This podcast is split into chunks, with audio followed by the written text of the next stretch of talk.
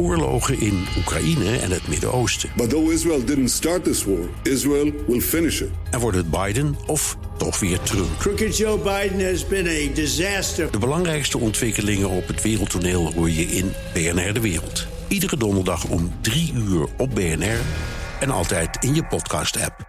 De column van Paul Lasseur.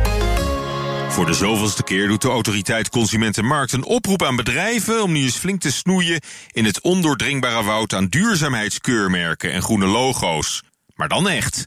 Net als vier jaar geleden waarschuwt de toezichthouder voor de veelheid aan onduidelijke groene claims en de dreigende misleiding van de klant, die door de bomen het bos niet meer ziet.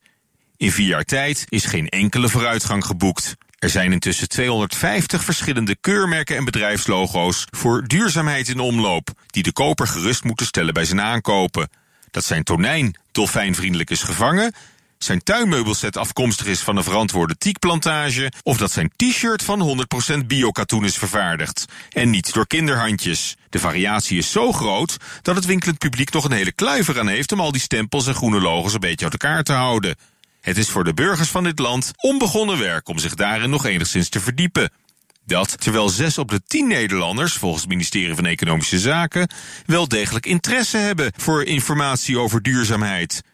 Maatschappelijke verantwoordelijkheid speelt een belangrijke rol bij de keuze voor een product of dienst. Kennelijk wil een meerderheid van de consumenten duurzaam reizen en wonen, eten en winkelen.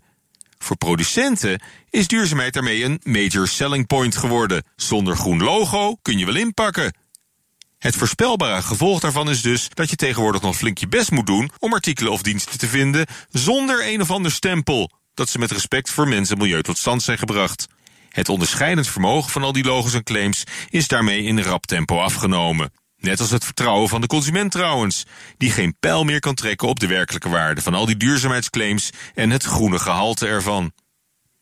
Wordt het dan niet eens tijd om het helemaal om te draaien? Als duurzaamheid de norm is geworden en al lang niet meer de positieve uitzondering op de regel. Laten we dan al die 250 duurzaamheidskeurmerken in één keer afschaffen. En in plaats daarvan waarschuwingsteksten aanbrengen op producten waarvan niet kan worden gegarandeerd dat ze met respect voor mens en milieu zijn geproduceerd, vervoerd of verpakt.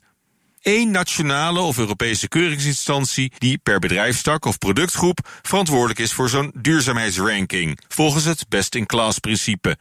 Dat kan heel overzichtelijk, met een score van 1 tot 5 sterren. Of nee, laten we wereldbolletjes doen.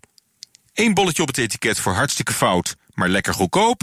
Vijf bolletjes voor helemaal veilig en verantwoord, met een goed gevoel voor de consument. Zodat we voortaan in één oogopslag kunnen zien wat we kopen. Maar kunnen we stoppen met al die holle duurzaamheidsclaims? Niet over nog eens vier jaar, maar nu meteen. Prettige maandag.